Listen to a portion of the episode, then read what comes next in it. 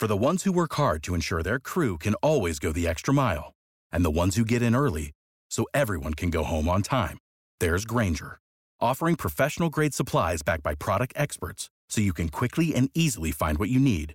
Plus, you can count on access to a committed team ready to go the extra mile for you. Call, clickgranger.com, or just stop by. Granger, for the ones who get it done.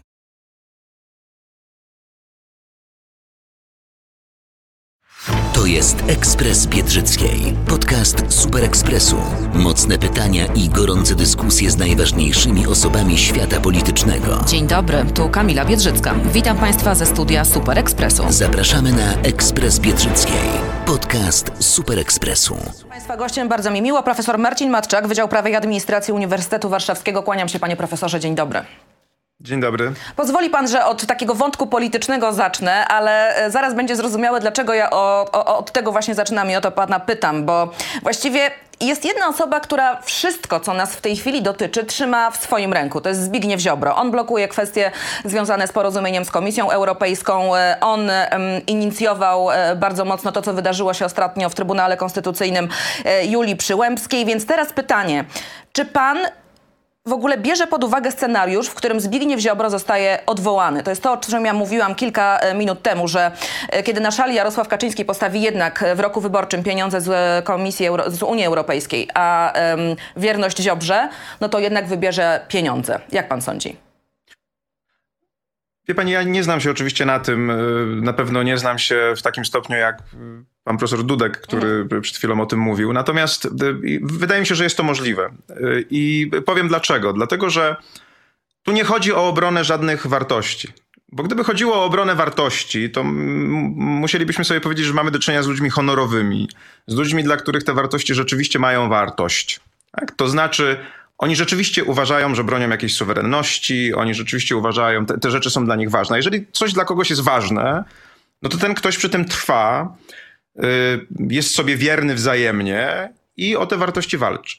I wtedy można snuć takie przekonania, że do ostatniej kropli krwi, prawda, Ziobry będzie się bronić i tak dalej, i tak dalej. Ale tu nie chodzi o wartości, tu chodzi o cyniczną kalkulację, która ma spowodować, że ktoś wygra następne wybory i będzie mógł robić dokładnie to, co robi, niekoniecznie w interesie wspólnym, ale w interesie swoim.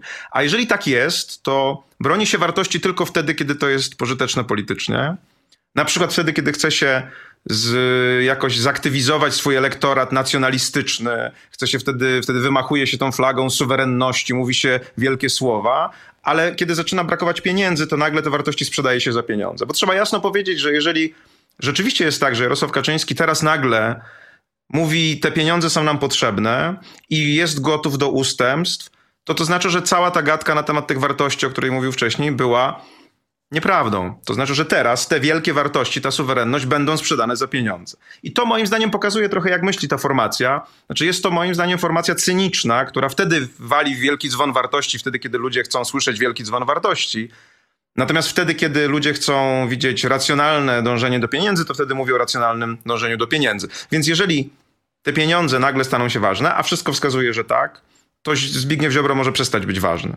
No właśnie, z jednej strony mm, mamy deklarację o tym, że y, trzeba zrobić wszystko, żeby o te pieniądze walczyć. To jest dokładny cytat z nowego pana ministra do spraw europejskich, ale e, za chwilę on dodaje, że y, zarysowane będą Komisji Europejskiej bardzo jasne i nieprzekraczalne granice, które definiuje polska konstytucja i umowa zawarta podczas przystępowania do Unii Europejskiej. Czyli Chcielibyśmy, ale z drugiej strony nie zrobimy kroków wstecz. Trochę tak to wygląda, takie masło maślane. Nie, moim zdaniem zrobimy to, co jest potrzebne dla tego, żeby te pieniądze uzyskać, czyli sprzedamy te wielkie wartości, o których PiS mówi za pieniądze, ale musimy pokazać, że nie jesteśmy tutaj tacy yy, bardzo, że nie jesteśmy miękiszonami. Czyli po co lewostrogach, pan, pan tak? Trochę na tej zasadzie. Więc to jest tak, tak, to, to, jest, to jest, wie pani, to jest taka sytuacja, moim zdaniem, która dokładnie pokazuje, o co w tej całej sprawie chodzi. Oczywiście nie chodzi tu o żadną konstytucję. Ja już wielokrotnie mówiłem, że y, my w Polsce mamy tak naprawdę dwie konstytucje. To znaczy mamy konstytucję, którą uchwaliliśmy sobie jako naród w 1997 roku, która ma takie wartości jak podział i równowaga władz, niezależność sądownictwa, godność człowieka, równość, yy, zakaz dyskryminacji, w tym zakaz dyskryminacji kobiet. I to jest prawdziwa konstytucja. I potem w 2015 roku przyszedł PiS, który przez wysadzenie w powietrze Trybunału Konstytucyjnego, UZYS włamał się do tej konstytucji i wypełnił ją interpretacyjnie wartościami, które w niej nigdy nie były, bo przez te wszystkie lata od naszego wejścia, wejścia, do Unii Europejskiej Trybunał Konstytucyjny wielokrotnie badał zgodność naszych wartości konstytucyjnych z europejskimi i nigdy, absolutnie nigdy nie wychodziło mu, że one są sprzeczne. Bo nie ma dwóch godności ludzkich, europejskiej i polskiej. Tak? Nie ma proporcjonalności europejskiej i polskiej.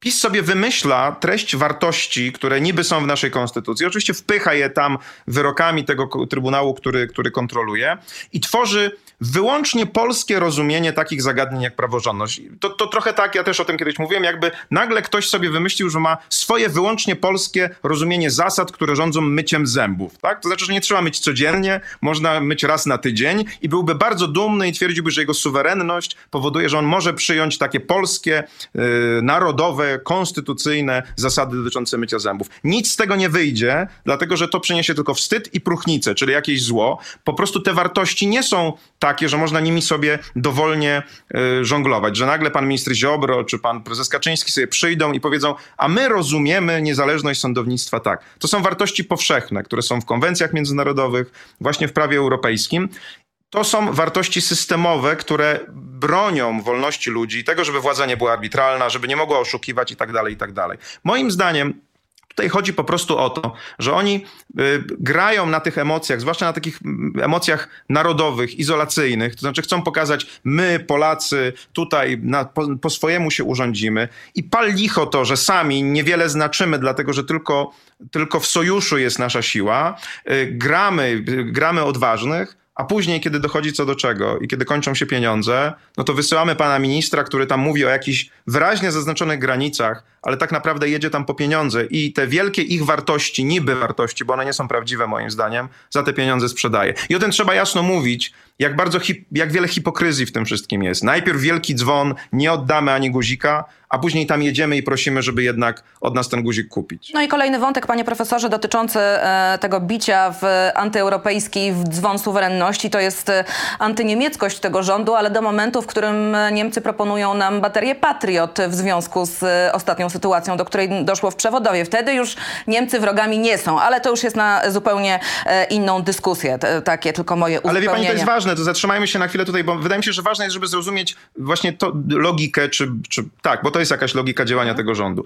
Rządy populistyczne, a rząd PiS jest rządem populistycznym, działają według jednej zasady. Mianowicie są ludzie, jest na, są ludzie tak zwany suweren, który normalnie polityką się nie interesuje. I trzeba wzbudzić jego bardzo silne emocje tylko po to, żeby on się zaczął tą polityką interesować. Tak jest zawsze wtedy, kiedy do władzy dochodzą populistyczne rządy. A jak najlepiej wzbudzić wielkie emocje. Najlepiej wzbudzić je nienawiścią. Dlatego wyciąga się te wszystkie kwestie nienawiści do Niemców, te wszystkie kwestie związane e, z reparacjami, które nagle teraz się pojawiają, bo chodzi o to, żeby ten, te emocje buzowały, żeby ludzie byli zdenerwowani, żeby ludzie nie mogli normalnie żyć. Stąd ta cała narracja pogardy wobec ciepłej wody w kranie, prawda, bo to nie jest według PiS normalne życie. Normalne życie według PiS to jest ciągła wojna, bo tylko wtedy naród po prostu idzie, właśnie uderza w ten wielki dzwon, popiera tę partię, która głosi te wielkie wartości, a później, kiedy nagle właśnie takie zwroty akcji się dokonują, że nagle Niemcy są dobrzy, albo nagle Unia Europejska jest potrzebna, to już nikt o tym nie pamięta. To jest jednak jakieś zakłamanie publiczne i jakaś hipokryzja, którą moim zdaniem warto wytknąć w tym przypadku. Panie profesorze, ale może budujące jednak jest to, że y, Polacy nie są chyba już tak bardzo podatni na tego typu polityczną manipulację, bo kiedy ostatnio były przeprowadzone badania, na pewno pan o tym słyszał, y, kto jest odpowiedzialny za brak pieniędzy z Unii, to ponad 70% badanych stwierdziło, że to nie jest Unia Europejska, tylko że jest to albo rząd, Całe albo sam to kłamstwo nie działa. Mhm.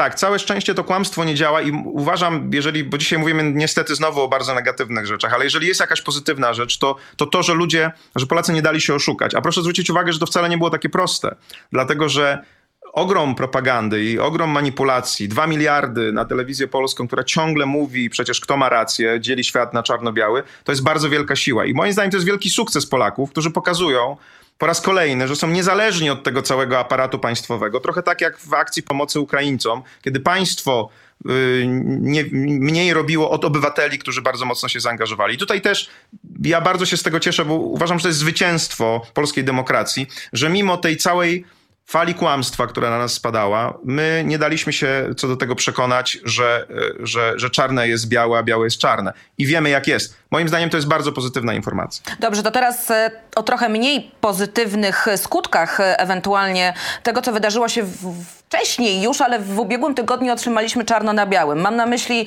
mm, uzasadnienie do orzeczenia e, Trybunału Julii Przyłębskiej w sprawie, tutaj upraszczam, ale wiadomo o co chodzi, niezgodności prawa europejskiego z polską konstytucją. Panie profesorze, ja oczywiście nie jestem prawnikiem, ja się na tym nie znam, ale na tyle, na ile umiem czytać ze zrozumieniem, to właściwie to, co czytamy w tym uzasadnieniu, to jest wyprowadzenie pod względem prawnym Polski ze struktur europejskich, bo tam jest wyraźnie powiedziane, że prawo europejskie jest niezgodne w dużej części z polską konstytucją i mało tego, mm, część wyroków europejskich trybunałów nie będzie brana pod uwagę i za nieważne uznajemy te, które już zapadły, czyli nagle wymyślamy sytuację pod tytułem prawo działa wstecz. Ja nie kończyłam prawa, tylko e, politologię, niemniej tam nie zawsze uczono prawo nie działa wstecz. Tak. Wie pani, ten, ten, ten wyrok, czy to uzasadnienie do tego, do tego wyroku, czy quasi wyroku, e, ze względu na to, że tam oczywiście orzekały osoby, które nie są uprawnione do tego, on raczej jest groźbą albo zapowiedzią takiego wyjścia z Unii Europejskiej. I e, wydaje mi się, że w dużej mierze e, na tym etapie polityka Prawa i Sprawiedliwości, którą w tym przypadku realizuje Trybunał Konstytucyjny, który oczywiście powinien być niezależny, ale zależny jest w pełni. Ta polityka polega na takim machaniu szabelką. Uważajcie na nas, jesteśmy groźni, prawda? I w związku z tym możemy wam, możemy wam coś zrobić, jeżeli będziecie niegrzeczni. I to jest, wie pani, taka, taka akcja, czy taka, taka metodologia mały, ale wariat. Ona tak się nazywa często, prawda? To znaczy, my mamy pe w pewnym sensie poczucie, że my tak naprawdę bardzo dużo zrobić nie możemy, bo moim zdaniem w tym momencie wyjście z Unii Europejskiej z punktu widzenia politycznego i prawnego nie wchodzi w grę. To znaczy moim zdaniem nawet Jarosław Kaczyński, nawet Zbigniew Ziobro wie o tym, że tak jest. Natomiast nie szkodzi nam to podskakiwać i mówić uważajcie na nas, uważajcie, bo jesteśmy niebezpieczni, prawda? Możemy coś tutaj zrobić. I to jest sposób uprawiania polityki, z którym ja się głęboko nie zgadzam, dlatego że Polska jest wielkim krajem, jest bardzo ważnym krajem w Europie, który mógłby robić o wiele poważniejsze rzeczy niż właśnie wymachiwanie szabelką. Na czym ono polega? Mianowicie ten Trybunał y, y, mówi tak. Y, mamy możliwość, droga Unio, stwierdzić, że w ogóle wy jesteście nieważni, wyroki waszego Trybunału są nieważne i zrobimy to, jeżeli nas do tego zmusicie. Więc tak naprawdę to uzasadnienie jest jedną wielką groźbą. To się w ogóle nigdy chyba nie zdarzyło, żeby uzasadnienie wyroku ważnego sądu krajowego było po prostu groźbą. To wyraźnie jest tam wskazane, dlatego że tam Trybunał nie stwierdza, że te wyroki, czy nie stwierdza nieważności tych wyroków Trybunału Sprawiedliwości, tylko mówi uważajcie, bo prowokujecie nas, żebyśmy to zrobili. Do tej pory byliśmy tak dobrzy dla was, że tego nie zrobiliśmy, ale zawsze możemy. I to jest, to jest pierwsza kwestia. Druga kwestia, nie wolno zapominać o tym, w jakim kontekście ten, to uzasadnienie się pojawia. Trybunał Konstytucyjny ma obowiązek sporządzać uzasadnienia w ciągu miesiąca od dnia wydania wyroku. On, to uzasadnienie zostało sporządzone 13 miesięcy. I oczywiście po i my sobie możemy mówić, och tam, och tam, jakieś formalności. Ale proszę zobaczyć, to moim zdaniem pokazuje, że ten trybunał już kompletnie nie działa i to znowu jest hipokryzja, bo kiedyś Zbigniew Ziobro porównywał trybunał profesora Rzeplińskiego z niemieckim trybunałem i mówił lenie, nie pracują. Ten trybunał absolutnie nic nie robi. Tak? Liczba spraw spadła o 80-90%. Mimo to potrzebuje 12 razy więcej czasu na sporządzenie, na wykonanie swojej pracy. Moim zdaniem to po raz kolejny pokazuje, że po pierwsze tam nie ma właściwych ludzi, po drugie być może oni kalkulują, kiedy to uzasadnienie powinno się pojawić. Trochę tak, jak było z uzasadnieniem w sprawie decyzji dotyczącej aborcji, bo przecież wiadomo, że to, co oni powiedzą, ma jakiś wpływ na te negocjacje. To panie profesorze, przepraszam, wejdę w słowo. To dlaczego w tej chwili, e, tak. pana zdaniem, po tak długim czasie e, nastąpiła publikacja e, tego Być może dlatego, że już nie, nie można było czekać, bo to naprawdę wstyd i bezprawie. No dobrze, ale może my teraz dlatego, jedziemy znowu ktoś... próbować dogadać się z Unią. No i nagle taki wyrok... No ale wie pani, to wtedy, jest, to wtedy jest bardzo fajny dodatek do tej, taka wstążka do tej szabelki którą tam minister, yy, prawda, macha. Bo on teraz jedzie i mówi, zobaczcie, jacy jesteśmy spójni. Ja tu przejeżdżam i mówię wam, że my jesteśmy, mamy swoją suwerenność, mamy swoją konstytucję, a za mną stoi stoją sędziowie naszego Trybunału Konstytucyjnego, którzy mówią to samo. To kolejny raz pokazuje, że to już jest jedna władza. Tak, tam nie ma żadnego podziału. Oni dokładnie robią jedno yy, i to samo, co jest absolutnie sprzeczne z naszym interesem, bo jeszcze raz podkreślam, czego my bronimy? Czego my bronimy? Czy my bronimy Macieja Nawackiego, który jest aroganckim sędzią, który drze dokumenty i jest zadowolony z tego, że ponownie pokazuje, jak on jest niebezpieczny i że ludzie mają się jego bać, to jest, to jest ta sama emocja. Tak? To jest ta sama emocja. Maciej Nawacki pokazuje Polskę PiS, to znaczy jest, może nie potrafię yy, zbyt dużo prawniczo, dlatego że no, nigdy nie zrobiłem jakiejś wielkiej kariery, może jestem agresywny, może nieraz nie potrafię się nawet wypowiedzieć, dlatego że są takie nagrania, które pokazują, że ten człowiek ma nieraz problemy ze sformułowaniem yy, jasnego komunikatu, ale jestem groźny, tutaj drę dokumenty i stawiam na swoim. To pokazuje, jak nisko my upadliśmy jako kraj. Tak, mieliśmy wybitnych sędziów, którzy e, zasiadali w sądach międzynarodowych, którzy rozumieli to, że nie ma różnicy między wartościami europejskimi i polskimi, że godność jest jedna, że równość jest jedna, że zakaz dyskryminacji jest jeden. I nagle to się wszystko popsuło, bo zamiast sędziów prowadzono ludzi, którzy uważają, że mamy polską godność, która jest inna od europejskiej, polską równość, która jest inna od europejskiej i polską niezależność sądownictwa, która tak naprawdę jest całkowitą zależnością. Tak, to jest Orwell. Tak, to jest Orwell, jest odwrócenie wartości kompletne. Więc ja mówię o tym z pewnymi emocjami, dlatego że przyłączam się tutaj do głosów wybitnych prawników, nie wiem, profesora Strzembosza, którzy patrzą na to i chce im się płakać. Tak, bo Polska miała szansę być wielkim krajem, y, który mógł w Europie robić ważne rzeczy, a teraz jest właśnie takim poskakującym żołnierzykiem, który mówi suwerenność, suwerenność, ale za chwilę pieniądze. Jednak potrzebujemy tych pieniędzy i już ta ich suwerenność, którą oni sobie zdefiniowali niezgodnie z polską konstytucją, przestaje być ważna. Panie profesorze, to bardzo pesymistyczne jest wszystko to, co pan mówi, ale ja zapytam o perspektywę. Wyobraźmy sobie teraz taki scenariusz, że y, Ziobro zostaje odwołany, że Kaczyński nie daje rady rządzić rządem mniejszościowym i są wcześniejsze wybory, lub też inny scenariusz, że jeszcze czekamy do wyborów jesienią, władzę przejmuje opozycja. Mm, w tej chwili e, no, Donald Tusk, jako lider największej partii, mówi wprost, że przywrócenie ładu prawnego w Polsce jest absolutnym priorytetem, że bez tego ani rusz, że to musi być pierwsza rzecz, e, od której e, zacznie nowa ekipa rządy. Tylko teraz tak zupełnie serio pytanie do pana, czy to się da zrobić w perspektywie krótszym niż jedna kadencja, albo nawet dwie kadencje.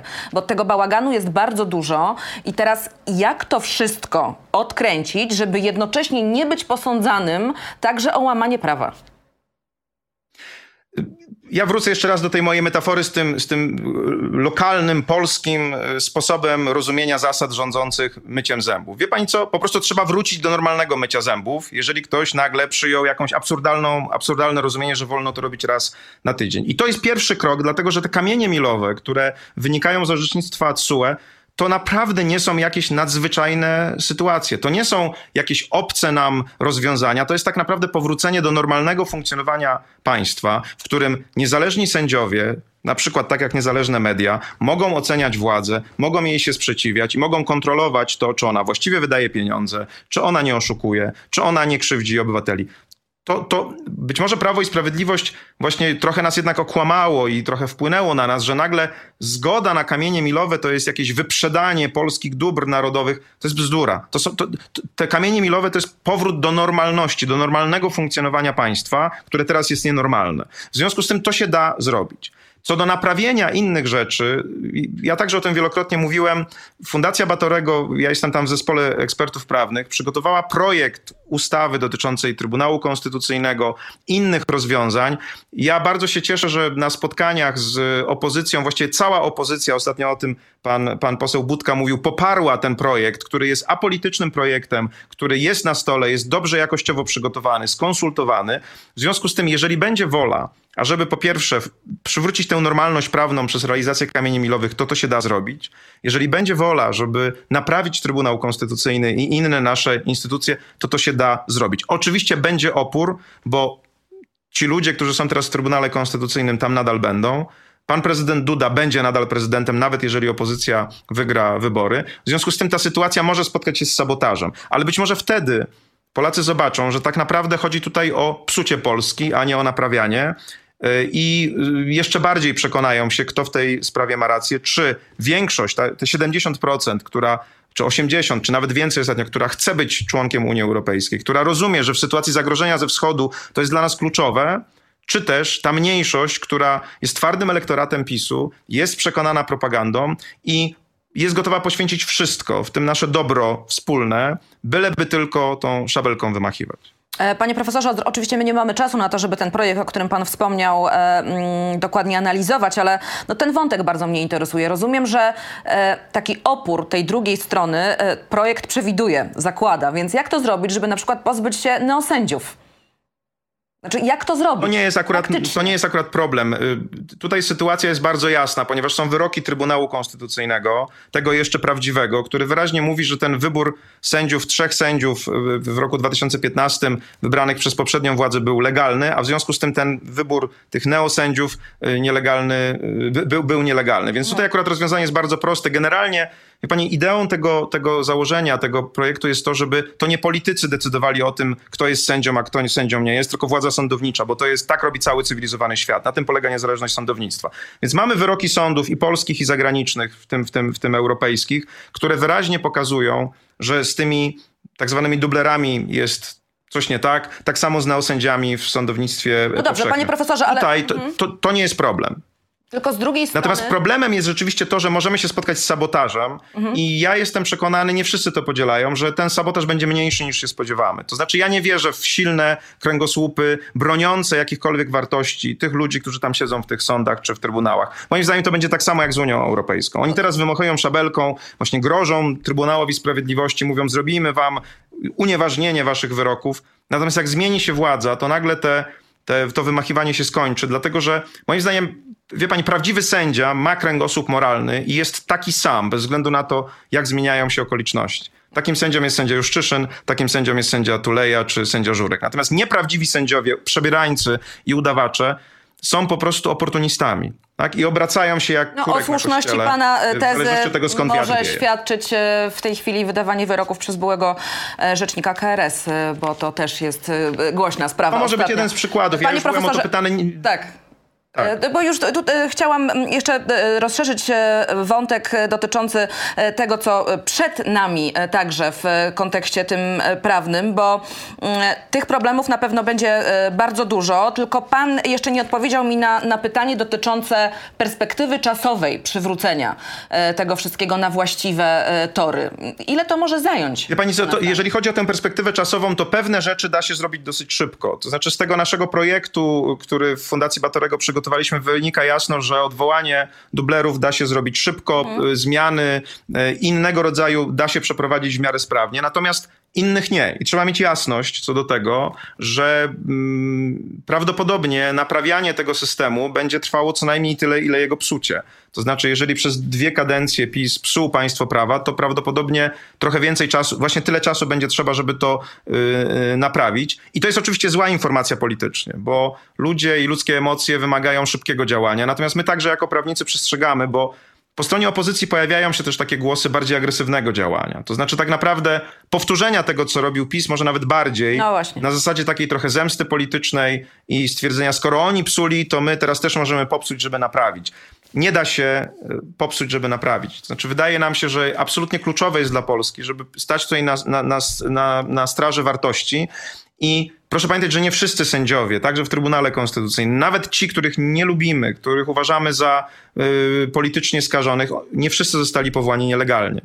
W związku z tym jakieś takie całościowe działanie polegające na wymianie tego Trybunału Konstytucyjnego w długiej perspektywie przyniesie więcej szkód niż pożytku, bo wtedy w ogóle każda nowa władza będzie mogła, będzie uważała, że może sobie sądy wymieniać. Musimy tego uniknąć. Prawnicy, w przeciwieństwie do polityków, są po to, żeby myśleć w kategoriach trochę dłuższych niż jedna kadencja czy jedne wybory i myśmy starali się też to robić. Także pewne rzeczy da się zrobić szybko, ale co do innych będzie trzeba cierpliwości i mam nadzieję, że dojrzałość polskiego suwerena będzie na tyle duża, żeby zrozumieć, że to jest dla jego dobra zachowania stabilności, bo my tutaj nie bronimy ludzi, jeszcze raz to podkreślam, jakichkolwiek, ale instytucji i ich stabilności. Panie profesorze, to na koniec jeszcze e, jedna kwestia dotycząca e, nowelizacji kodeksu karnego. Ona wzbudza gigantyczne kontrowersje, e, między innymi zapisami no, zaostrzającymi represje, tak chyba trzeba nazwać to wprost.